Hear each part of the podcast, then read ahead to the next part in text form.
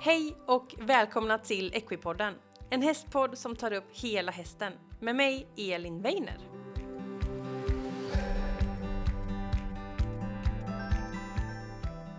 Då var det onsdag igen och jag vill hälsa dig varmt välkommen till ett nytt avsnitt av podden. Detta avsnitt presenteras i samarbete med Hippofys och Nina Magnusson. Och Nina, hon är hippolog från SLU och arbetar en hel del med puls och laktatmätningar. Hon arbetar såklart med annat också med friskvård och rehabilitering, laser med mera. Men eh, Nina, hon har ju varit med i podden innan och det var avsnitt 143 och då pratade vi just om konditionsträning, puls och laktatmätning. Och eh, att ha en pulsmätare, det är ett fantastiskt verktyg att verkligen eh, se och ha koll på hästens träning. Den kan hjälpa till att göra träningen mer effektiv för att man kan i realtid se vilken puls hästen har när man är ute och rider och försöker konditionsträna. Men eh, en pulsmätare kan också vara en bra hjälp i stallet. Därför att om man misstänker att en häst kanske mår lite dåligt idag så kan man faktiskt sätta på pulsmätaren och se om den har högre puls än normalt. Och en pulsmätare det ger en bättre översyn över tid jämfört med att ta puls med hand. Så en pulsmätare är ett fantastiskt verktyg att ha i stallet. Och eh, Nina har just nu ett erbjudande till dig som lyssnar på podden där du kan få 10% rabatt om du köper en komplett pulsmätare till häst. Beställningen den gör du inne på hippofys.com, det är Ninas hemsida.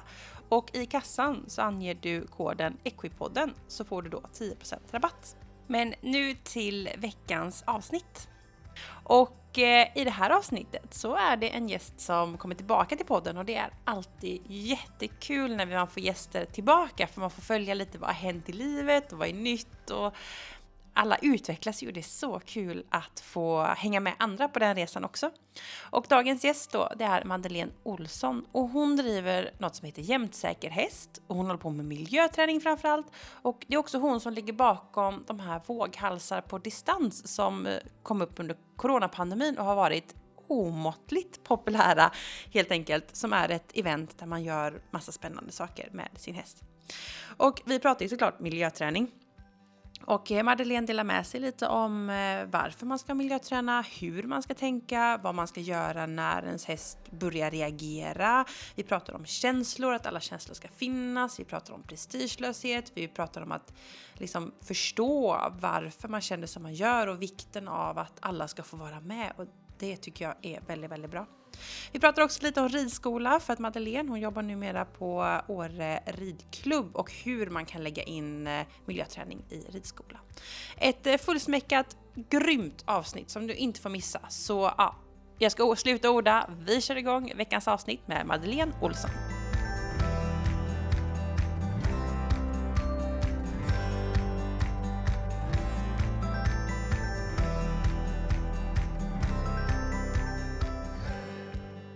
Då får jag äntligen säga hej till Madeleine Olsson. Hej Madeleine! Hej! Hur är läget? Strålande! Gud vad roligt att få vara med så här efter två år. Jag vet! Igen. För eh, du har ju varit med innan och vi, eh, jag kollade upp här nu då. Det var ju faktiskt avsnitt 58 så det är ju typ 100 avsnitt sen du var med i podden. Det är ett tag sedan. Det har hänt lite i världen också sedan dess. Ja, och vi ska komma in på massa spännande saker här för eh, ja, det har ju hänt en del sen sist får man väl börja och säga, men grunden är väl att du driver ju jämtsäker miljöträning och håller på mycket med miljöträning med hästar och det är också du som har gjort de här våghalsarna på distans som säkert många har gjort under coronapandemin. Så var ju det jättestort och finns ju fortfarande. Ni håller ju fortfarande på, eller hur? Ja, precis. Vi sitter den här helgen och designar nästa. Vi brukar ha, eller brukar, men det har ju blivit väldigt populärt, eh, en distansutmaning vad gäller kilometersamling, att man rider distanser under sommarhalvåret. Liksom. Mm. I fjol hade vi en variant av 12 veckor och 12 mil som man skulle mm. samla då. På valfri tid. Så det är det vi håller på att snickra på nu. Ja, så det, det är väldigt, det är ju ett online-event så att man kan ju vara var som helst. Och så är det lite instruktioner och det kommer upp mycket roliga filmer på folk som gör eh, massa spännande grejer man ska göra saker med sin häst. Så att, eh, har man missat det så kan man verkligen tipsa om att kika in på, det är mycket på Facebook va? Ja, det är Facebook. Sen har vi en Instagram men själva gruppen är ju Facebook-orienterad. Mm. Jag gillar ju det där inkluderande, att alla, alla får vara med på egna förutsättningar. Precis. Så uh, vi, ja, vi kanske touchar tillbaka till det lite sen, men vi ska ju prata framförallt miljöträning, men vi ska också toucha in lite på ridskola, för det har ju hänt lite sen sist. Men uh, innan vi liksom kör igång med det, om man inte har lyssnat på dig innan eller vet vem du är, vem är Madeleine? Ja, jag har väl hunnit bli 32 nu då. Mm. Ehm, och jag har Mycket en bra dotter ålder. som... Ja, jag har en dotter som är sex. Mm. eh, Som bor varannan vecka hos mig nu då. Och sen sist, numera har jag faktiskt en gubbe ska jag säga. Jag säger gubbe, för men det provocerar ju många. Sambo, Belle som jag bor med. Som eh, numera också då är med och driver företaget miljöträningsmässigt. Kul! Eh, Jag har tre egna hästar idag. Mm. Eh, Elvan fortfarande som är själva stommen i miljöträningsföretaget. Mm, nordsvensk, eller hur? Ja, precis. Jättefin. Och sen, eh, sen förra hösten då köpte jag en ny kille som heter Klint. Mm. Eh, Också, han är registrerad som nordsvensk men han är skimmel. Mm. Mm. Hipson eh, ringde och skrev en artikel just om honom för att han är skimmel. Mm. Och om jag har förstått det rätt nu, för det här har jag fått lärt mig efterhand, han är ju dölhäst liksom i grunden. Aha, Norskarnas variant av precis. nordsvensk. Deras, Mm. den är ju lite egen den rasen liksom. Ja, jag har försökt satt mig in i det här sen, sen jag köpte Klint, för jag förstod ju inte riktigt. Eh, Jag fick en, eh, en snabbkurs i det här häromdagen av en norsk och då finns det tydligen tungdöl har de Jaha. och så har de dölhäst. Ja. Ehm, Så dölhästarna är ju lite, lite kortare, lite smidigare om jag förstod det rätt på honom då. Mm. Annars finns ju inte, nordsvenskarna finns ju egentligen inte i skimmel då. Nej, precis. Ja, och sen har jag en liten shettis som jag fick eh, på köpet här i vintras. Min eh, kompis förlorade sin storhäst i eh, kolik väldigt Åh. hastigt. Så då fick vi henne mitt, fick åka och hämta henne mitt i natten så. Åh. Blev själv liksom. Ja, hon blev det. En jättegullig liten, liten tjej. Sen sist vi pratade så har jag flyttat. Har Mm. jag gjort. Um, ja, så har jag två bonusbarn också. Ja. Eh, två, ja, två vuxna grabbar höll jag på säga. ja. De är väl 16 och 19 nu då. Mm. Så. Sen har det hänt mycket i arbetslivet också. Ja, sist eh, jobbade jag inom vården när vi pratade. Mm. Eh, men nu, nu för tiden så jobbar jag uppe på Åre ridskola då. Mm. Och för tillfället då som vikarierande verksamhetschef. Mm. Spännande.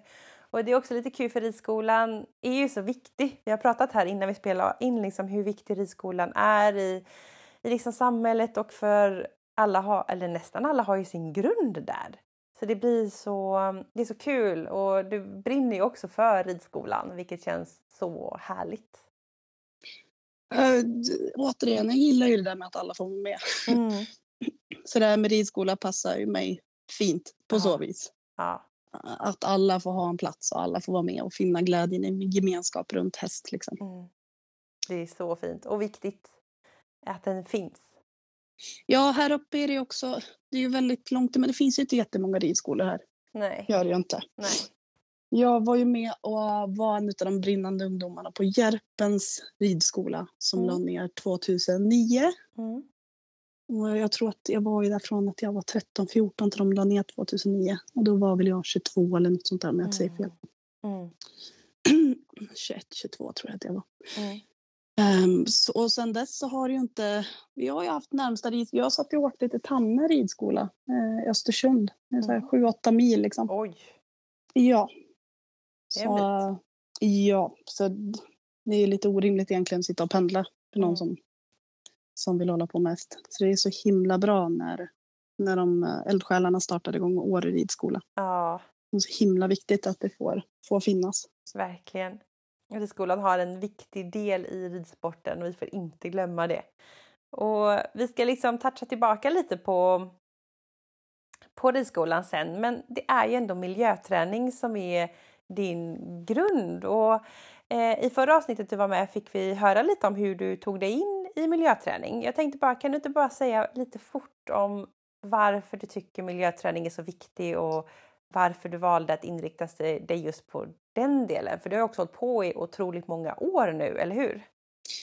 Ja, det var ju där när min ridskola la omkull. Mm. Ehm, då kände jag mig, precis som många andra där nere, väldigt vilsen. Liksom. Man mm. tappar ju lite av sin identitet. Man inte har något ställe att mm. hänga och liksom vara. Mm.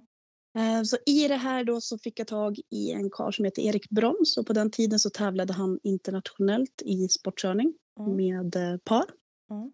Och när vi åkte runt, vi var på väg ner till eh, Spanien höll jag på att säga. Mm. Den gången kan det ha varit. Det varit mm. många år och jättemånga resor med Erik och hans hästar. Mm. Mycket tävlingar. Ja. De mellanlandade ju vi oss ett par i Blekinge då som höll på med miljöträning.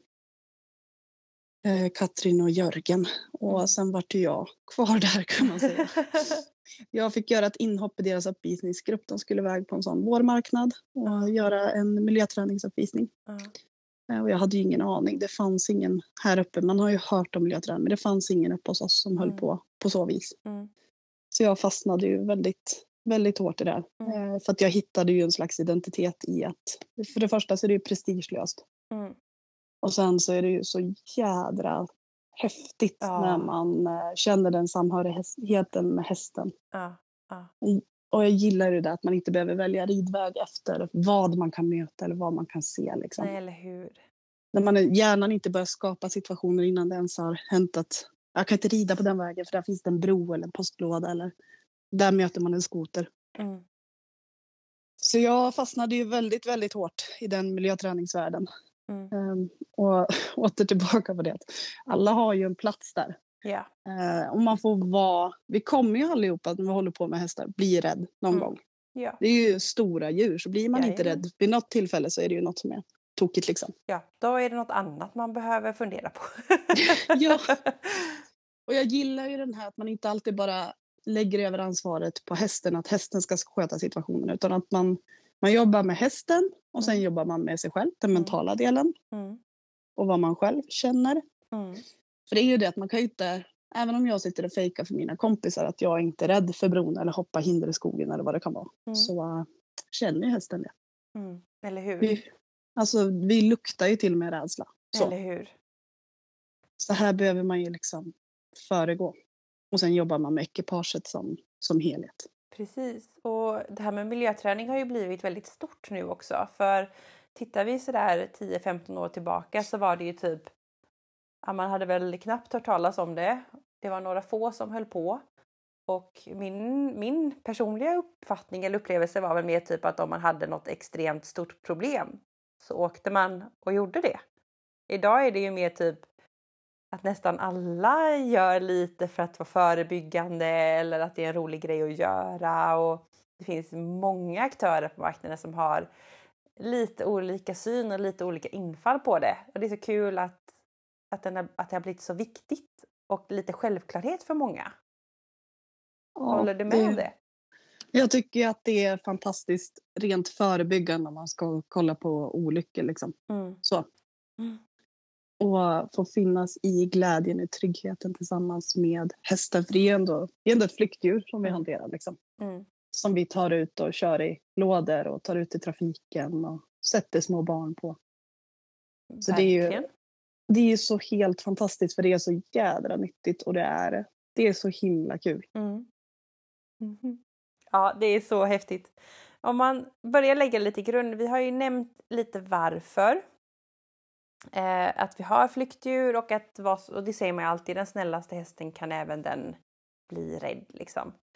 Eh, men jag tänker så här i vardagssituationer, tycker du att man ska träna lite miljöträning eller är det först när man möter ett problem eller är det förebyggande eller vad tänker du? Alltså det här beror ju lite på vad man har för förutsättningar, om man har egen häst, rider på ridskola mm. eller, eller om man rider någon annans häst. Mm. Men rent krasst tycker jag att kunskapen om häst och dess beteende och kunna läsa häst mm. är ju så, det är ju någonting som tar en livstid att träna upp tänkte jag säga. Ja. Inte riktigt så, men alltså man blir ju aldrig fullärd när det kommer till att analysera och se hästens beteende. Mm. Och det är här, vi lever ju i en vardag där det är, vi har mycket att göra. Mm. Eh, speciellt vintermässigt, vi har få ljusa timmar liksom. Mm. Det är lätt att man fastnar i sin egen stress och inte riktigt är närvarande i stunden. Man kanske är trött eller tidspressad. Ja. Eh, Och i stunden här då när man inte är närvarande hos hästen och inte ser hästen eller de små signalerna. Hästar pratar ju inte liksom utan de eh, har ju små tecken. Mm. Och här eh, på den basisen återigen, det här är ju någonting som alla kan göra. Man behöver inte ha egen häst för att bli väldigt duktig på att se hästens beteende, mående och de här signalerna liksom. Precis. Och det du säger där, det är så viktigt att känna att om man gillar häst och vill hålla på med häst, att lära sig se och läsa av en häst. Det kan, det kan alla lära sig. Man behöver inte vara toppryttaren, man behöver inte ha egen häst, man behöver inte ha flera egna hästar, utan alla kan lära sig att verkligen se hästen. Det är så coolt. Ja, Det, det räcker med, man behöver ju, antingen så har man tillgång till en hage med en liten flock i eller så kan man kolla på videos här, Mm. Youtube-klipp. Mm. Bara sätta sig ner med liksom en termos och studera flockbeteende några timmar. Liksom. Mm. Det är ganska fränt. Och Ja. här förebygger vi mycket och får stor förståelse för hästen som djur och hur de fungerar i flock. Mm. Kan du inte berätta lite om det? Vad, vad kan man se om man sätter sig och tittar och vad är viktigt att leta efter om du förstår vad jag menar? Liksom. Ja, men när det kommer till miljöträning och sen också i ridskolevärlden. Mm. Här, alltså hästen är ju ett flockbaserat djur. De lever ju i flock liksom. Mm. De vill ju inte vara ensam. Nej. Så när vi rider ut själv och det är stormar och blåser eller mörkt och det prasslar. Hästarna Mm. behöver ju två förutsättningar, yttre och inre stress för att reagera. Just. Ehm, om jag sitter på min häst då, eller går med min häst och är livrädd för saker som kan hända. Mm. Då är jag ett av de här stimelina som Ja. behöver, behövs. Liksom. Då räcker det med ett prassel en gren eller en postlåda för att hästen ska, för att vi ska skapa en situation. Just det. Och då har jag varit anledningen till att situationen uppstår. Liksom. Mm. Ehm, Så när vi hanterar hästen själv så behöver vi ju själv vara lite lugna och trygga i vad vi gör. Mm. Eh, Däremot så är det ju mycket lättare när man hanterar hästar i flock. Då kan man ju ta med en gammal och trygg häst Ja, precis. som eh, handleder lite grann. Ja, någon som har koll på läget liksom. Ja, och det här är också kul att se. Dels på uteritter eller på miljöträning. Mm. När man jobbar med bäckar till exempel. Eller Mm. presenningar, vad det nu Mm. kan vara. Att den eh, kanske yngre, osäkrare hästen stannar till och står och liksom ställer en massa frågor. Och det kan man se på kroppsspråket och öronen att Mm. Okej, hur hanterar vi det här? För rent krasst så är det ju så att hästen är ju lite lat som djur. De vill ju inte göra av med all energi de har. Nej, eller hur? Det är ju jättedumt om man ska överleva liksom. Ja, de vill ju ha kvar sin energibank ifall de skulle bli jagade eller påflugen av ett rovdjur. Mm.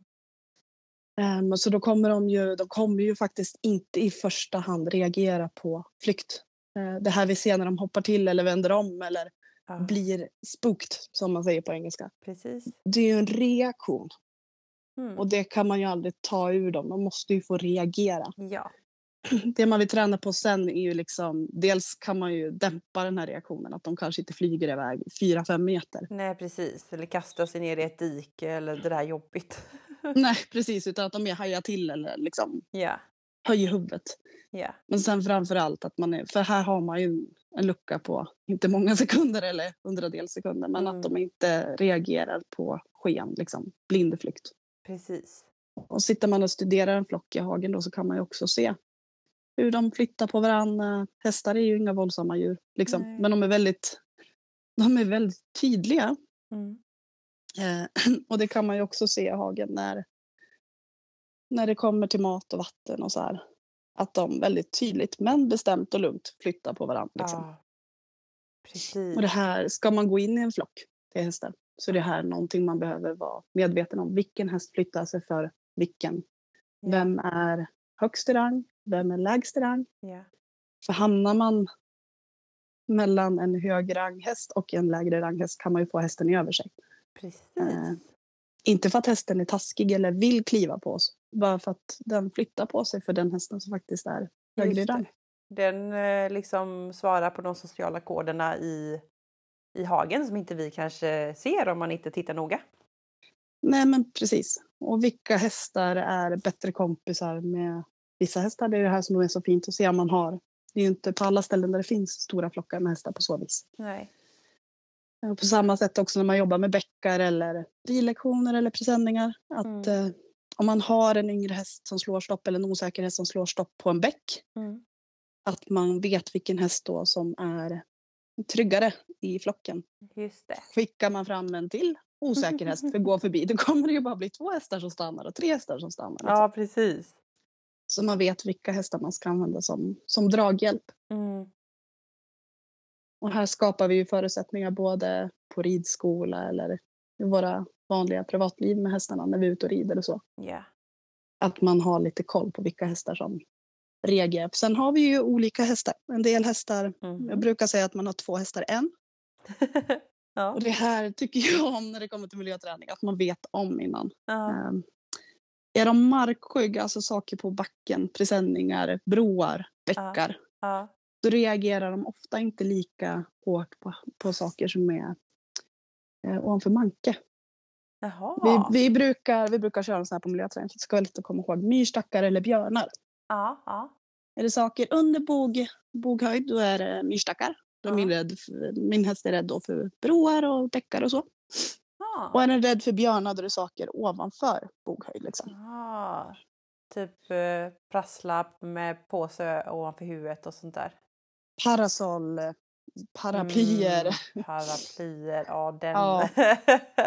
Ja, ja men visst fåglar eller ja, vad tusan det kan vara som är liksom runt huvudhöjd eller högt. Liksom. Okej. Så det är inte så Sen- ofta det är båda utan det är oftast en av dem? Man kan väl se, hästar kan ju också vara sådana att de reagerar på precis allt. Ja. Att de är överspänd, liksom, understimulerade. Mm. Har mycket behov av att få ut sin energi. Men ofta så är det så att de reagerar mer på ett av det. Mm. Jag har ju två stycken sådana väldigt marktrygga egna hästar. Mm. Så kommer vi till en bäck eller en bro så vet jag att även om de hästarna är väldigt hoppiga för saker uppe på ryggen Mm. så går de väldigt väl fram i terräng. Mhm.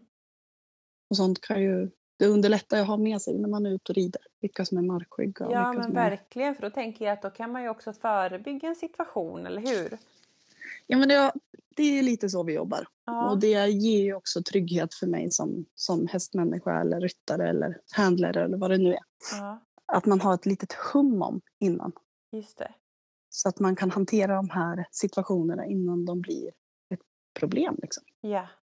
Man kommer fram till en bro och den hästen man sitter på slår tvärnit och man känner där när man sitter på en häst och börjar känna hjärtat klappar, tickar.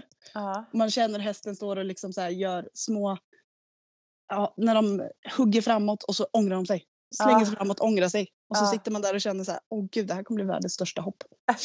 Och så ja. vill man inte dra i tyglarna för då bromsar man ju hästen. ja, eller hur? Det, blir, det är så svårt. Ja, samtidigt som man säger snälla, du behöver inte hoppa fyra meter över här bäcken för då kommer jag säkert flyga av. Liksom. Ja, precis. Det blir jobbigt nu. Ja. Och har man med sig sällskap då Ja. ehm, så är det ju väldigt schysst att veta för ofta då så de tittar ju på varandra, de vill ju ofta inte, om vi inte har hästar med väldigt, väldigt mycket energi då, överskottsenergi som behöver ut. ja. Eh, Nej, men så de ju vill vara. ju inte göra av med mer energi än vad de behöver. Och det tänker jag är en bra tanke att ha med sig när man hanterar en häst. Liksom att, ja, men har, jag, har det varit en skada och hästen har gått på boxvila eller någonting, ja men då kanske den är lite mer hoppig för saker för att den har mycket energi i sig. Eller hur? Ja, den där med hästar på boxvila alltså. Mm, som man ska ta ut och promenera sakta skritt 20 minuter som veterinären säger. Det är ju svårt. Gå som, det är som att gå med en heliumballong i grimskaft liksom. ja men ja. eller hur, eller hur? ja men visst, det är ju faktiskt där eh, många olyckor sker i stallet liksom. Mm, Vägen in och ut och i mm, hagen och mm, hanteringsmässigt så liksom. Mm. Det är ju väldigt schysst att veta då, ha lite så här på benen om placering till exempel. Hur Ja. placerar jag mig? ja. För att hästen inte ska springa över mig om, om det är så att jag går med en häst som har gått på boxvila. Som är Mm. väldigt, väldigt, väldigt pigg liksom. Ja. Precis, jätteviktigt. Men jag tänker liksom det här, det här är ändå någonting som jag tänker på det här med myr, eh, myrstackarna och björnarna igen då. Alltså det här känns ju som det är ganska, om man bara vet om det här så kan man ganska enkelt gå hem och lista ut vad ens häst är, eller? Det är bara att testa lite. Jo men det är, tanken är ju det med våra kurser i vanmiljöträning, att man Mm. ska få med sig lite mer vetskap hem om Mm. vad man sitter på för häst. Mm. Och också så här vad man själv är för typ av människa, vad jag är rädd för och vad hästen är rädd för och vad vi tillsammans liksom behöver Just det. stärka upp. Just det. För det är ju så att man kan ju själv sitta och vara rädd för postlådor medan min häst inte är ett dugg rädd för postlådor. Eller trafik. Det är ju Ja. faktiskt jätteläskigt att sitta och rida och det händer någonting i en trafiksituation. Ja. Då kan man ju faktiskt ta med den rädslan i sig själv sen till en annan häst och skapa en häst som blir rädd för trafik. Fast det från början var jag som ryttare som tyckte att det var jobbigt. Precis, för där kommer vi in lite på det här att alltså hur stor vikt som ryttaren har för vad hästen reagerar på. Ja, men visst, och det är ju tacksamt att veta vad man har. Här kräver det ju stor ödmjukhet också, både Mm. inför hästen och för sig själv. Liksom. Mm. Och det här eh, utrymmet för att man får, man får bli rädd, man får vara rädd. Mm. Eh, Alla känslor får finnas. Mm. Eh, Vi reagerar ju ändå, alltså det händer ju saker i kroppen när vi blir rädd. Ja, Både för oss och för hästarna. ja, Och de här reaktionerna har ju ett syfte. ja. Det frigör ju adrenalin. Man blir skakig, man har svårt att andas, man kan börja gråta, man kan börja skratta. Ja. Mm. Och det här är ju ingenting som man bara kan säga att eh, men tuffa till dig och Mm. ska du gråta eller ska du rida liksom? Ja, precis. För det är ju så gammalt att man ska upp i sadeln på en gång och Mm. man ska borsta av sig liksom. Mm. Precis. Jag tycker det är bättre om man så här, det är okej att bli rädd. Ja, Och, och det, får, det får bli så att man kanske inte vill hoppa hinder ett tag eller man kanske inte vill rida ut för en period. mm. Det betyder ju inte att man inte kan vilja hoppa hinder om ett halvår eller om ett år Nej, eller precis. om en månad. Liksom. precis. Så här måste vi jobba med den inre tryggheten både hos hästen och hos ryttaren. Ja. Och då kan det ju vara så en period att man kanske, jag brukade ju ha med min eh, vallack, han heter Valle, på Mm. mina träningar. Mm. Eh, och var det då så att det var någon ryttare som tyckte att det var jätteläskigt med ballonger eller med presenningar eller vi hoppar ju faktiskt till och med eld och tränar med smällare. Oj, läskigt. Ja. Ja, det är ju det. Jätteläskigt är det. Eh, Första gången jag fick hoppa eld det var ju nere i Blekinge på Jörgens egna halvblodshäst som han hade fött upp själv. Ja. Och det var ju på den här första träningen inför den uppvisningen jag skulle vara med på. Ja. Um, och han sätter upp ett brinnande hinder på sådär, uh, bommen låg på en meter. Oj, det är högt brin- också. Ja, och det brinner ju ovanför bommen liksom. Ja, eller Så. hur? Uh, Och han säger hoppa, för det här kommer de att göra på uppvisningen då. Ja. Och hans hästar var en av de hästarna som var uh, säkra kort liksom. Ja. Och jag var ju ung och hoppryttare på den tiden. Men alltså, det är ju ing- man hoppar ju inte eld liksom. Det Nej. gör man ju inte. Nej, det brukar inte Så- dyka upp på en helt vanlig tävling. Nej, det, är väldigt, det är ju fortfarande så att även om miljöträning är väldigt populärt så är det inte så många i Sverige som, som gör det. För det är lite extremt. Liksom. Ja. Eh, och Jörgen har ju gått utbildning hos en kille som heter Linus. Så. Mm. De jobbade via polishästrytteriet. Mm. Så de vet ju väldigt väl vad de håller på med. Precis, och Men, de eh, måste ju träna på det för de kan ju bli utsatta för det. Liksom. Ja, och säkerhetsmässigt och så här. Men eh, jag då som ryttare ifrågasatte det här väldigt hårt. Och han sa att jag förstår det, men vet du vad? Jag vet vad min häst kan. Ja. Jag har sett dig rida och ja, det där fixar ni liksom. Våga tro på det. Oj. Sen var ju det, ja, och, hon fixar ju det hästen. Det var ju bara liksom att styra och åka. Hon Ja. fixar ju det jättefint. Men eh, så jag hade ju med Valle på mina träningar. Nu jobb, tränar vi inte lika extremt så. Men just om man har suttit och ramlat av i skogen på en bäck eller en presenning eller vad det, det, det finns ju olika saker som kan skapa. Ja. Sen vet ju alla som har blivit rädda någon gång att hjärnan skenar ju och så skapar man ju situationer i hjärnan innan de har uppstått. Precis. För det tänkte jag att jag skulle komma till och fråga om. För det var lite det här att typ... För jag har ju fått prata med dels dig och lite andra personer som också på med miljöträning. Och alla säger det att ja men hästen reagerar för att du spänner dig. Och då så, tänk, så var jag ute och red och så kom det något som, tänk, något som låg och prasslade. Så tänkte jag jaha det där kan hästen bli rädd för. Så nu gäller det att jag inte spänner till eller gör någonting annorlunda så att inte hon blir rädd. Men då backar hon till ändå. Men är det bara för att jag har tänkt den tanken som jag börjar skicka ut grejer då eller? Alltså ja och nej. Det där, det där är ju väldigt svårt att svara på om man inte Ja, har sett situationen. såklart. Men eh, för ibland så är det ju så att man kan göra alla rätt som ryttare. Det vet vi när vi sitter och hoppar ett hinder eller rider en volt. Mm. Och ridläraren säger mer ytterskänkel. Ja. jag andades nu, det var inte jag den här gången. ja, precis. Det är så. Vi har ju hästen och sen har vi oss själv. Och sen har vi ju liksom ja, ekipaget. Precis. Det man vill jobba med är att man liksom gör ekipaget medveten om bara den här grejen att när vi sitter och funderar på saker på det här viset. Mm. Det är ju inte säkert att du var rädd, men bara för att man liksom sitter och funderar på hur man ska göra så slutar man andas. Ja, precis. Bara den grejen gör ju att man spänner till axlarna. Ja. Så det är en sak som jag brukar tjata om. Vi, har, vi hade en tjej när vi tränade i början som hon sjöng Pippi Långstrump när hon var rädd. Mm. Bara för att komma ihåg. Hon gjorde djupa, långa toner liksom, för att Mm. komma ihåg och andas. Mm. För att när man andas mindre eller slutar andas, dels så, ja, eh, hjärnan får ju ingen syre. Mm. Och sen är det ju, du blir stel som en pinne sa Mm. den. Du drar ihop hela axlarna, hela överlivet liksom. Hästen Ja. känner ju det också. Och sen eh, blir man ju väldigt tung i det om hästen skulle hoppa. För att man inte andas liksom. Man är inte mjuk. Just det. Jag sa det till henne, den här tjejen hon hette Emma sen, att eh, det var himla bra att du sjöng. Faktiskt, det har jag aldrig tänkt på. Att man kan ju faktiskt sjunga för att komma ihåg att andas. Ja, precis. Då får man ju en rytm i andningen liksom. Ja, hon, hon tittade på mig och sa, vadå, vadå sjöng? har, jag, har jag sjungit? Ja, vad roligt. Jätteroligt. Hon visste inte ens om att hon, liksom så här, att Nej. hon satt och sjöng. För att Då hon, är man fokuserad. hon var så himla fokuserad Ja. liksom, på att inte förmedla. Hon satt på en väldigt kvick häst, så, inte rädd häst. Men alltså, han tyckte att det var lite kul, hade lite överskottsenergi. Mm. Mm. För det är ju en sån grej också. De kan ju hoppa eller reagera bara för att de tycker Ja. att det är väldigt kul. Liksom. De behöver inte vara rädd. Precis. Reaktioner behöver ju inte vara negativa bara för att det är en reaktion. Exakt. Bra sagt.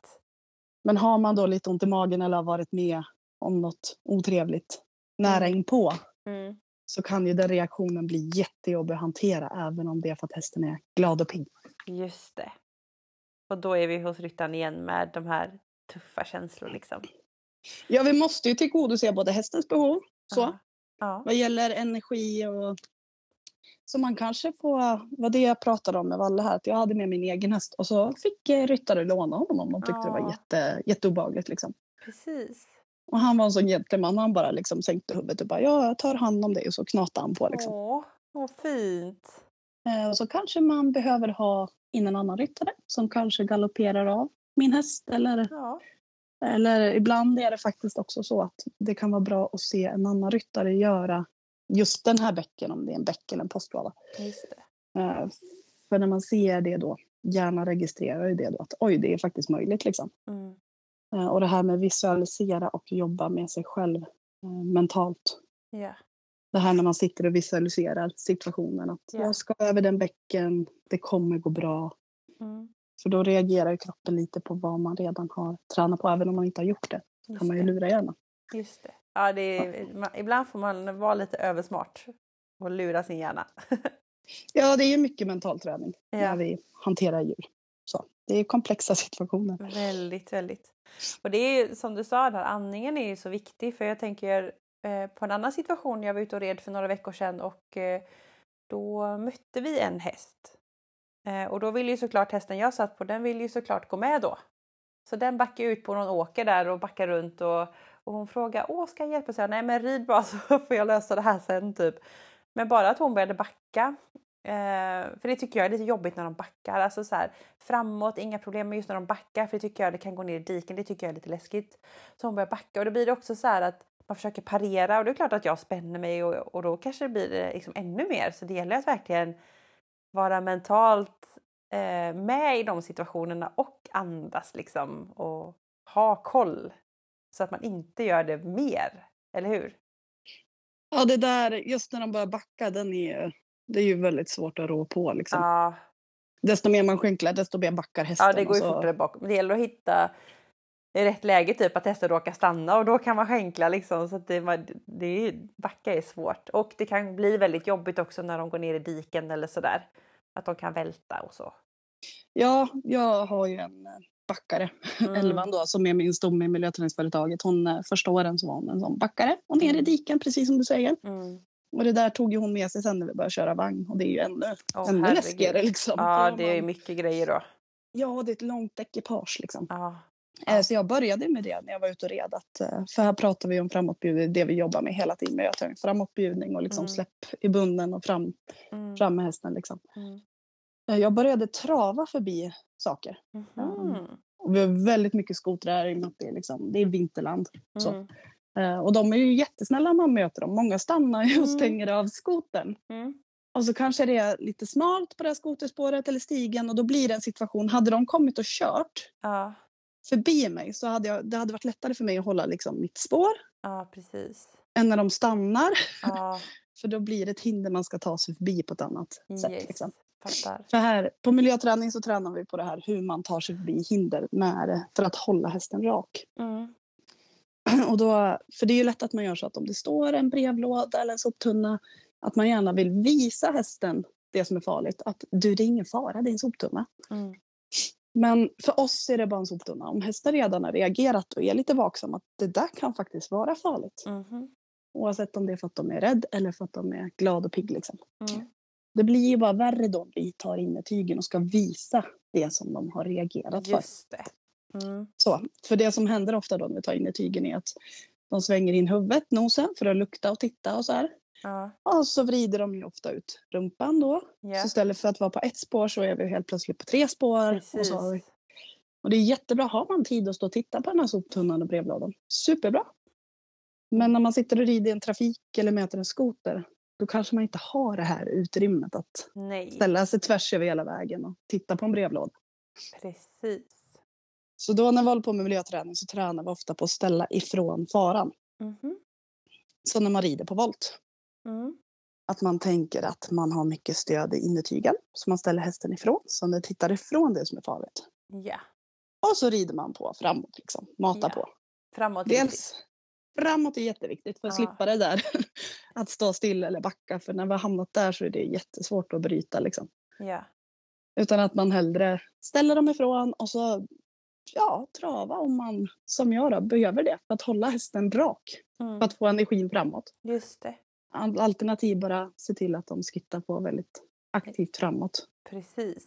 Och det är ju väldigt svårt, men att påminna dem om att du kompis, vi ska ställa oss ifrån, vi jobbar på det här nu, vi ska inte titta på det där som är, Mm. som du har upptäckt som kan vara läskigt, som faktiskt är läskigt, för det är bara en soptunna. Det är bara Precis. skoter. Det blir Så. ingen grej av det liksom. Nej, att man åtminstone inte försöker göra en större grej av det. Ja. För sitter man på en häst som är lite pigg och exalterad och tycker det är aslärt att vara ute och galoppera och träffa skotrar. Mm. Det är klart, då kommer de ju vilja göra en grej av det för att det är kul. Liksom. Ja, precis. Så att man istället då, istället för att liksom, för det, man kan ju lätt hamna den också att man bara jag andas, jag har släppt tyglarna, varför blir han rädd? Jag, jag har ju inte signalerat fara. Ja, precis. Men då kanske det är så att hästen bara är väldigt exalterad ist- istället. Ja, Och genom att vi bara då ger dem tyglarna och sitter där och liksom, ah, lugn, lugn. Så har vi möjliggjort en stressig situation för vi har inte heller gett dem någonting att göra eller berättat för dem vad vi vill. just det. Just det. Och då kanske de blir så dem lite.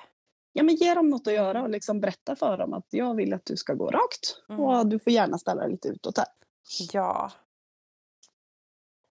Den är faktiskt jätte... Vi tränar på det i ridhus och på ridbanor med soptunnor och så här. Just att ställa dem ifrån faran. mm. Och så lutar man sig gärna lite mot det som är farligt. Och så stryker man upp med... Det blir ju ytterskänkel men i och med att du Ja. ställer hästen från det som är farligt så blir det ju att man böjer dem runt innerskänkel fast Ja. man lutar sig lite mot det som är farligt. ja jag fattar. Jag För fattar. att de inte ska hoppa ner i diket liksom ifrån. Just det. Och då tänker jag bara så här, för att när man har ju sett bilder på såna här miljöträningar och det är eh, bubbelmaskiner och paraplyer och eh, ballonger och eh, presenningar och jag vet inte allt eh, vad det kan hitta på. Men jag tänker, det är inte egentligen så vanligt att man kanske träffar ett ballonghav liksom. Är tanken mer på träningen att man ska liksom lära sig hantera situationer eller är det just att vi ska träna att inte vara rädd på ballonger? Hänger du med på vad jag menar? Jajamän. Just de här, bara en parentes där, de här bubbelmaskinerna. Alltså Ja. det är jätteimponerande att eh, träna med bubbelmaskiner. Ja. Det ser väldigt roligt liksom och det är ju roligt med såpbubblor. Alla Ja, älskar såpbubblor. Vem gillar inte en såpbubbla liksom? Nej, eller hur? Men just för, för hästens del så är det faktiskt väldigt svårt att träna med såpbubblor. Jaha. Hästar vill väldigt gärna se mönster. Ja. Ehm, De analyserar ju liksom och försöker liksom få en översikt på situationen. Är det här farligt? Mm. Hur ser det ut? Mm. Och är det något som är konstant, om en skoter kommer och åker konstant i en Mm. hastighet, Mm. så får de snabbare översyn på att okej, den går i den hastigheten, den rör sig åt det hållet. Okej, då har jag koll. Den kan beräkna det liksom. Ja, Mm. när det är något som är oregelbundet, som såpbubblor, för de eh, flyger ju överallt och de kommer stötvis. Och Ja. Då blir det mycket jobbigare för hästens Ja. huvud. Så oregelbundna utmaningar Mm. och eh, utmaningar som involverar ljud är det som tar mest. Det blir de tröttaste av. Liksom. Just det. Så där har man mindre lucka liksom, att, att jobba på. Just det. Så de här såpbubblorna är, det är otroligt imponerande. Ja. Ekipage som eh, jobbar med dem och kanske gör det på en basis där de inte har miljötränat jättemycket. Liksom. Coolt. Ja. Det är, eh, när man miljötränar så är det ju, det är lätt att tänka att man gör det för att nu kan vi presenning. Mm. Men det vet ju alla som så här, när man tävlar i hoppning kanske, att det Mm. inte är samma sak med hinder hemma som borta. Nej. Ehm, Det kommer aldrig finnas en bäck som är lik någon annan. Du kan inte sitta hemma och nöta din bäck och sen åka bort och hoppa en bäck borta. Det kommer fortfarande vara en ny bäck. Liksom. Just det. Ehm, Så du kan inte, du kan inte liksom få hästen nollställd på postlådor, soptunnor, presenningar, ballonger. Just det. Det vi vill ha i hästen är ju liksom dels vetskapen om vad jag är för hästmänniska, vad jag har med mig i mitt bagage och vad hästen och sen bygga teamet i det liksom. Mm. Okej, här har vi saker att jobba på, men det här, det här är våra styrkor. Mm. Min häst är skottsäker på trafik. Just Min häst är skottsäker på fåglar som flyger upp. Så. Ja. Men eh, man kan ju alltid, de här reaktionerna jag pratar om, Ja. genom att bygga, för vi bygger ju relation med våra hästar. Mm. Och de blir ju väldigt trygga i oss när de märker att oj, oj men jag har varit rädd och du, du handledde mig igenom den här situationen. Mm. Det kom en skoter men du bad mig att skitta på framåt Mm. och vi löste det tillsammans. Mm. Då får man ju förtroende av dem. Mm. Och det är det man vill bygga dels till sig själv. Att man vet att jag behöver inte få panik för att möta en skoter förebyggande. För hamnar vi där, där vi möter en skoter eller en postlåda eller vad det nu kan vara. Mm. Så löser jag situationen tillsammans med min häst. För jag har rätt verktyg och jag är tillräckligt eh, närvarande för Mm. att inte få panik Mm. innan. Mm. Så det är ju det miljöträningen handlar om. Ah. Och sen, eh, sen att ha kul. Man Ja. behöver inte gå på någon böjd spår. Man behöver inte gå i form. Du behöver inte... Man, eh, det är ju väldigt fritt så liksom. Det är väldigt nyttigt och det är väldigt roligt. Ja, ett kul sätt att umgås med sin häst också. Ja, och utvecklas tillsammans i relationen. Ja. Och jag tänker så här, vi har pratat om väldigt mycket här allmänt kring, men vi har touchat lite på när man har blivit rädd. Och jag tänker att vi behöver väl ta det lite mer som en egen punkt om det har hänt någonting och man blir rädd, antingen för en plats eller för eh, en häst eller för en situation. Vad ska man göra då? Det beror ju lite på vad som har hänt och hur, Ja, hur, eh, såklart. hur illa det är eller vad man ska säga. Mm.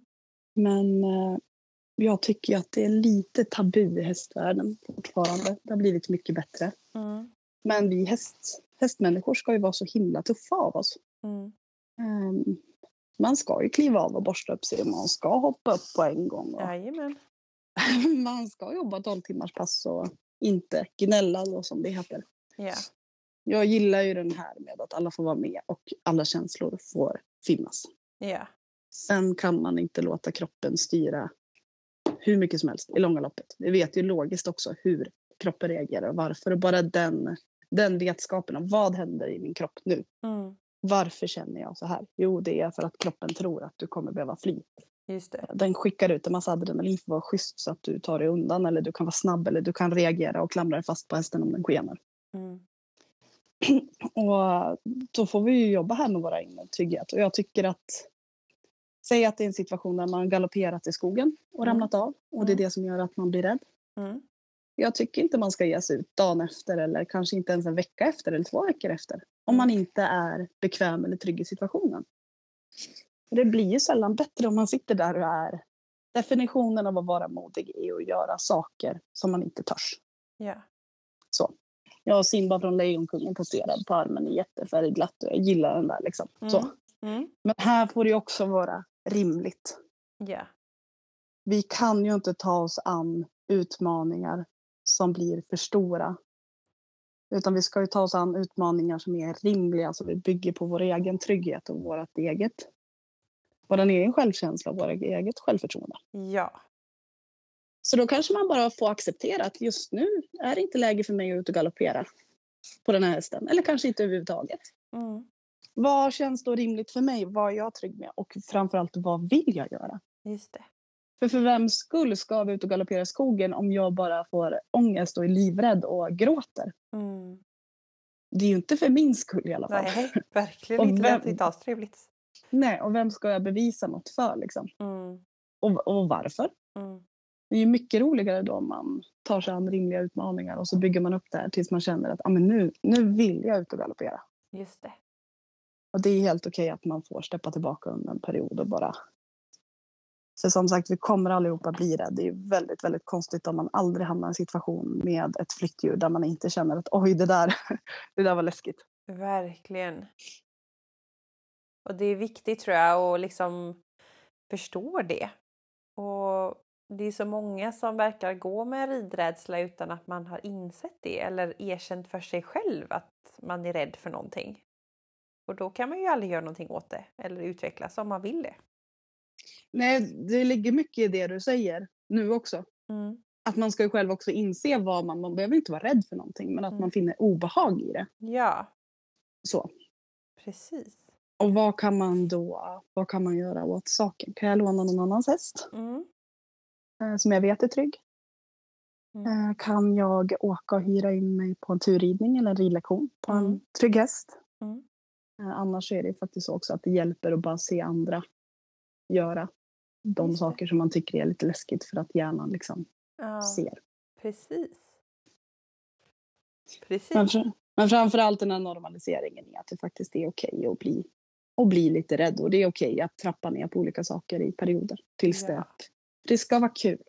Ja, jätteviktigt. Annars är det ingen idé att vi lägger all den här tiden och alla de här pengarna på de här eh, fantastiska djuren om man inte tycker att det är kul. Då Nej, kan man det ska vara roligt. annat. Det ska vara roligt. Ja, Och då får man steppa tillbaka på, ja, men jag kanske tycker det är superroligt att putsa sadlar eller rykta hästar just nu. Mocka liksom. ja. Så. Alltså mocka är ändå rätt roligt. Det får, det, är, det får man inte underskatta. Det är trevligt att mocka. Då kan man lyssna på Ja. podd också. Jag tänkte säga det, jag brukar ju lyssna på jättebra podd. Ja. Ja. Ekvipodden. Just det, den är rätt bra. jag mockar. Det är Ja. faktiskt väldigt eh, mindfullt liksom. Mm, Så. perfekt. Ja. Nej, men jag tror att man liksom måste förstå att, ja, att bara höra det och att förstå att och du sa ju så fint i början här att alla blir rädda någon gång. Och att liksom inte känna att jag är ensam i den här känslan utan om man eh, vågar öppna upp så är det säkerligen tio personer som kommer bara exakt så har jag också känt. Eh, bara liksom i sitt stall liksom. Tror du inte det? Jo. jo, för vi pratar ju väldigt mycket om så här, vad hästen är rädd för, att hästen är ett flyktdjur. Mm. Men det är ju inte samma normalisering runt oss som Nej. ryttare. Och kunskapen i vad händer i våran kropp liksom, när vi Precis. blir rädd. Precis. Jätteviktigt.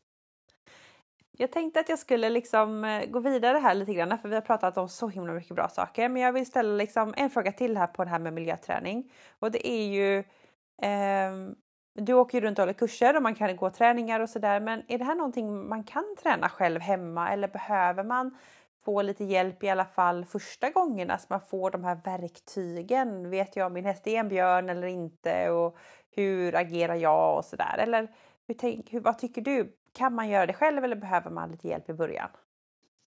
Man kan göra det själv, Mm. absolut. Ehm, och det här, våra kurs, alltså det vi lär ut är även samma med distansutmaningarna. Ehm, det ingår ju miljöträningsmoment i det här. Mm. Ehm, och de moment som har varit lite svårare, eh, då har det ingått en beskrivning och ibland även filmer Mm. där vi förklarar liksom vad, Just det. Vad man letar efter när det Mm. kommer till placering och, och så vidare. Mm. Det är ju väldigt fördelaktigt att ta sig iväg på Mm. en kurs.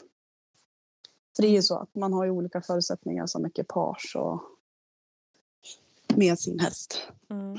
Men sen är det klart att man kan träna själv. Men det kan ju bli väldigt, väldigt svårt. Om, eh, om man drar på stort och blir väldigt inspirerad och tänker att nu ska miljöträna så slänger man fram en presenning och kanske ger sig ut på någon bro och så här. Ja, bästa grundtipsen tycker jag är här är att miljöträna aldrig själv. just det. Det är bra. Ja, men den är bra. För att då har vi ju återigen plockat ut hästen ur Just det. sin trygghet som flockdjur och Ja. utsätter dem som individ. Så jag, jag miljötränar inte heller mina hästar själv. Nej, Jag har ju Vibeke nu då, min lilla shetty som jag fick på köpet. just det. Hon, hon har väldigt få livsåtagande här i livet men hon, hon hänger med och tycker saker är väldigt kul. Mm. Så hon är en sån perfekt kompis att med sig på ridbanan som bara lufsar omkring och tittar på saker. Och... Även fast hon inte deltar aktivt så är hon ju, det gör ju att min häst som jag tränar inte blir ensam. Mm. Och hon, hon reagerar ju aldrig på flykt även om hon lufsar runt och tittar på saker och puttar på dem. en bra shettis helt enkelt. Ja, en jädra bra sköttis. Ja. Nej, så det tar man sig iväg på en kurs Mm. så är det klart fördelaktigt. Mm. Sen kan man ju hänga i de här grupperna våghalsar på distans. Mm. Kostar ingenting att hänga där och kika på vad de andra gör. Man kan hur? fortfarande se och läsa om momenten som vi lägger upp. Precis. Då får man ju lite, lite så inspiration i det. Ja, och lite mer smak kanske. ja. Men för mig är det ju det är ett tankesätt och en livsstil, inte bara runt hästarna utan hur jag hanterar mig själv Mm. i situationer jag tycker är utmanande. Mm. Också vad för utmaningar jag väljer att ta mig an. Mm. För återigen, rimliga utmaningar förutsatt i, i perspektiv till vad det är för ekipage, vad det är för människa, vad jag har för häst. Just det. Det är ju som eh, allt vi gör med hästar med oss själv, det är ju en trappa. Ja. så. Ja. Och det kan gå att hoppa över fyra steg i den här trappan, utvecklingen. Men eh, det ger också sämre förutsättningar om vi inte tar oss tid och gör det noggrant. Eller hur? Jätteviktigt. Ja, så himla kul att få höra på miljöträningen. Det är, eh, ja, men den, det, är, det är roligt. Det känns eh, bra att ta upp och prata om. Jag tänkte att vi skulle liksom byta lite tema nu för att vi, eh, vi nämnde här i början att du numera också då jobbar på Åre ridklubb och är eh, vikarierande verksamhetschef där och varit där ett tag och sådär. Och eh, då tänkte jag att det hade varit kul att höra lite dina tankar kopplat till liksom miljöträning in i ridskolan. För det tänker jag ändå kan vara viktigt för att på ridskolan där får de allra flesta i Ridsport Sverige sin grund. Det är där man lär sig och förstår. Så tänker jag att miljöträning kan ju vara jätteviktigt att få in där, eller? Vad tänker du? Ja, så, så roligt. det, den här vintern som har varit, sist vi pratade så var det ju en pågående pandemi. ja, usch. Jag vill inte, det vill jag inte prata om.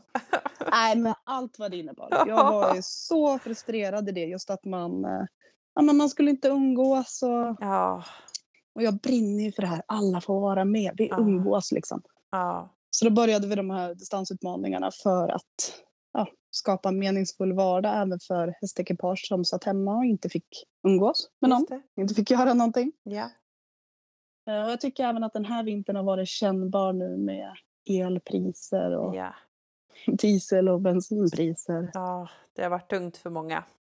Ja, och bara det här. Alltså hästsporten är ju dyr oavsett. Ja, Oavsett hur vi håller på med häst så är det en dyr Exakt. sport liksom. ja, Så våghalsar på distans, det, det har ju varit igång men det har varit lugnare även på den fronten. mm. Så jag har ju fått utlopp för mitt behov vad gäller miljöträning i, i min ridskolevärld här då. Mm. Så, Perfekt. eh, för det, Och det är ju på, på gott och ont, så att Mm. säga. Ehm, när folk kommer till träningar med sin egen häst så utgår man ifrån dem, Mm. de förutsättningarna. Mm. Och så är det ju så i ridskolevärlden, i alla fall var det så när jag var liten, att när man skulle göra en övning i galopp så vill man ju inte gärna vara den eleven som säger att nej men jag vill inte eller jag törs inte eller Precis. jag känner mig inte trygg. Ja. Så, så den eh, jobbar jag stenhårt med på mina lektioner och tillsammans med mina kollegor på våran ridskola nu. Mm. Att alla känslor får finnas. Mm. Sen ska vi inte drunkna i dem, vi ska inte överdriva dem. Nej, precis. Men de, de får finnas och man får känna allt man känner. Och återigen, för vems skull ska vi galoppera då? Mm. Det är ju faktiskt helt okej för dagen att säga att äh, men jag avstår galoppen eller jag vill bara hoppa den höjden, sen vill inte jag hoppa högre. Nej, precis. Och att det faktiskt är precis lika modigt som att våga hoppa lite högre. Ja. Så här har vi jobbat mycket med ryttarens trygghet. Då. Ja. Och det är ju återigen, jag brinner ju så hårt för det här inkluderande. Liksom. Ja. Och det är ju på sätt och vis lättare på en ridskola så att blir man rädd för en situation eller en häst Ja. så har man möjlighet att som eh, instruktör då byta häst. Precis. Eller byta övning till nästa gång. Just det. Och ge, ge ryttaren verktyg och sen pröva på samma situation om några veckor. Mm. För att utvärdera den igen då med andra verktyg. Mm. Det är skillnad om man sitter hemma på en privat häst och så rider man ut och hästen skenar och dagen efter står man där med sin häst. Ja, nu ska vi rida igen. Ja, och man kanske står i stall med två, tre stycken och man har inget ridsällskap och det är fortfarande liksom mörkt och blåsigt. Och Ja, hästen står och blir piggare och piggare för varje dag. precis. Så det är, på, det är ju lättare på sätt och vis samtidigt som det är svårare. Ja. Det kan också vara något väldigt positivt att man bara inom parentes rider en gång i veckan. Ja. För då hinner saker landa på ett helt annat sätt. Ja. Och hästarna på ridskolan får ju det de behöver ändå under den tiden. Till Mm. skillnad om du som privatryttare har en häst som dagen efter behöver du ut och rida. Precis. Precis. för att de inte ska stå där och bunkra upp en massa överskottsenergi. Mm. Så det är ju, det är ju väldigt, väldigt roligt. Ja. Helt andra förutsättningar. Ja. Och här jobbar vi också då. Vi har ju på vår ridskola, våra hästar lever ju på världens största, finaste lösdrift. Åh, vad lyxigt. Ja, med termobar med flottör då, som fyller på sig själv. Ja. Eh, Dubbla foderstationer som går på fri tillgång. De har nätade balar så de äter långsamt. Mm. Så alla hästar får äta. Mm. De har dubbla vindskydd, halmade vindskydd. Och så står de här på varsin del av hagen så hästarna går emellan. Liksom. Ja. Så alla våra stora hästar går i en och samma hage. Mm. Och i det då som eh, ridskolegrupp. Här har man ju en fruktansvärd fördel av att hästarna har gjort upp sin rang och de känner varandra. De är trygga i varandra. Japp. Innan ridlektionerna, innan det kommer in elever adderat till det här då. Ja. Så här har man ju som ridlärare en stor fördel när man ska rida ut eller man har en elev som är rädd. Mm. Hästarna är ju fruktansvärt trygga i varandra. Ja. Tror det är liksom lite underskattat det du sa där att, att hästarna går i flock och alla går i flock så alla har koll på varandra. Då behöver Ja. man ju inte ehm, Jag menar så att ja, men de där två de har aldrig träffat varandra och då kan de sura lite på lektionerna typ, för att de har inte koll på varandra. Det är väl det det ofta handlar om, att de ska försöka ordna upp någon slags rang eller liksom testa varandra lite när de går förbi. Om de inte har Eller- kunnat göra det innan. Ja, bara det där att det är mindre barn som rider och så har man så mycket att hålla koll på och styra svängar som man kanske kör in hästen framför. Ja. Och det råkar vara ett sto som är brunstigt för stunden och så Mm. skriker de och sparkar liksom. ja men precis. Det är ju, har man sju, åtta ekipage i ett ridhus så blir det ju lätt trångt liksom. Det Så. kan hända grejer. Ja men och så här, tycker de om att gå på led liksom. ja. Så. Mm. Det, nej, det är väldigt, och sen att hästarna, det är ju inte alla hästar som kan gå på fri tillgång, men vi har en väldig fördel i det. De är mätta och glada liksom. Ja. Så. Sen har de eh, dubbla nät på sina balar, ibland tre nät, så att de äter ju långsamt och mycket, Ja. de har något att göra. Och, De får jobba för sin mat helt enkelt. ja, och sysselsättning och ja, i och med att de har kompisar så är de ju väldigt nöjda när de kommer in. För Ja. de går ju in över dagen då när det är ridlektioner och sen är de ute resterande dygn. Liksom. Just det. Det låter härligt. Ja, det är fantastiskt. Ja. Är det. Jag är så glad över mitt jobb och mina kollegor och Ja. alla våra fantastiska hästar och elever. Ja. Men också kul att liksom kunna få in det du brinner för med miljöträningen i ridskolan och att man lägger den grunden för eleverna. Ja, det blir ju det blir väldigt tacksamt i och med Mm. att vi som ryttare på ridskola kan jobba mycket med oss själva. kan man göra mycket aktivt arbete mellan ridningen. Just det. Och sen blir det väldigt tydligt också när man byter hästar. Just det. Vi har väldigt många olika hästar. Vi har snabba hästar, långsamma hästar. Ja, som det kan vara på ridskolan. Och sen eh, får man ju in säkerhetstänket väldigt, väldigt, väldigt fint Mm, så, på en ridskola. just det.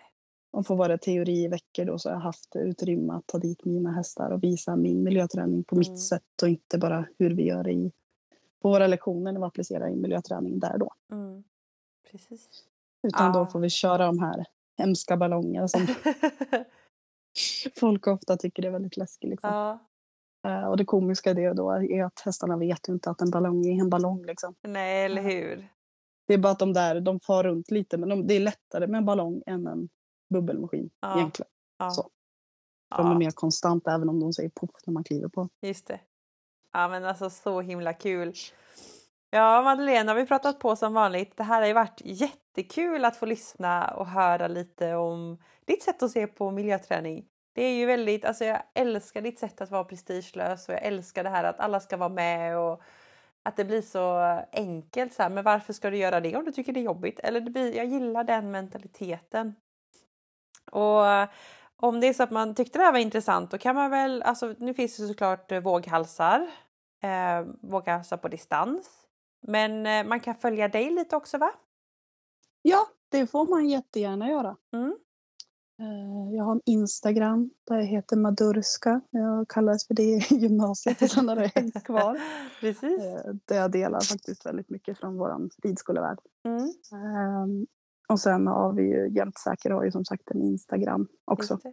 Och nu eh, är ju den här distansutmaningen på gång på våghalsar på Mm. distans. det blir spännande. Jätteroligt, den brukar vara så himla omtyckt just i och med att dis- distanser och sen är det några miljöträningsmoment i Precis. det här också. Och så. nu på sommarhalvåret också för det är så härligt att få komma ut. Det är ju det. Eh, Vi brukar ju, vi drar inte igång de här distansutmaningarna först eh, ja, men runt nu då, med att vi är här uppe som har snö. Så att det ska vara barmark. Liksom.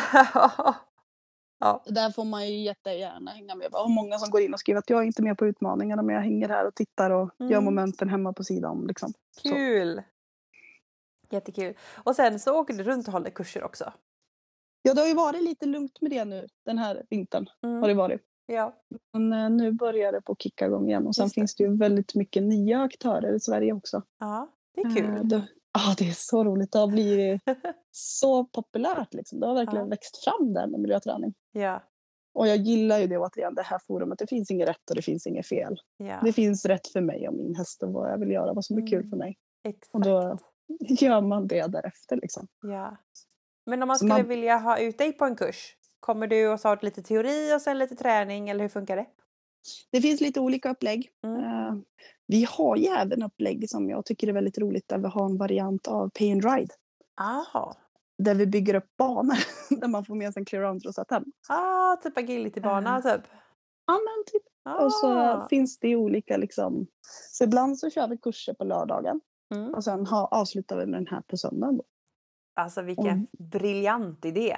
Ja men och då får man ju sett för deltagande liksom. Mm. Eh, och då brukar vi ha också olika, tre olika, precis som hoppning, att det är tre olika liksom, svårigheter. Ja, Så att det är tanken att eh, de heter ju ride through, alltså rida igenom. ja, precis. Och så lägger man själva banan då längs med fyrkantsspåret. Så tanken är att man ska kunna liksom rida runt. Ja. Och har man någon övning då så hästen reagerar hårt på, man får även starta två stycken så man har med sig en kompis. Ah, Då följer man bara fyrkantsspåret framåt så att man inte behöver stanna. Och, för då kan man hamna i det här, man tappar framåtbjudningen, hästen Exakt. backar liksom. Exakt. Så. Så man lägger övningen lite innanför spår så man kan rida förbi både på insidan och utsidan. Liksom. Det. Så det finns teoriupplägg och det finns kursupplägg och sen har vi den här varianten av ja, pain ride då. Ja, så coolt! Och då får man kontakta dig helt enkelt för att boka om man vill att du ska komma. Ja, det går Mm. jättebra. Ja, vad roligt. Ja men då så, då har vi ju pratat på i över en timme som vanligt. Ja, går så det går fort. Det går fort. men eh, tack så jättemycket Madeleine för att du ville vara med i Equipodden en gång till. Tack snälla, jättetrevligt.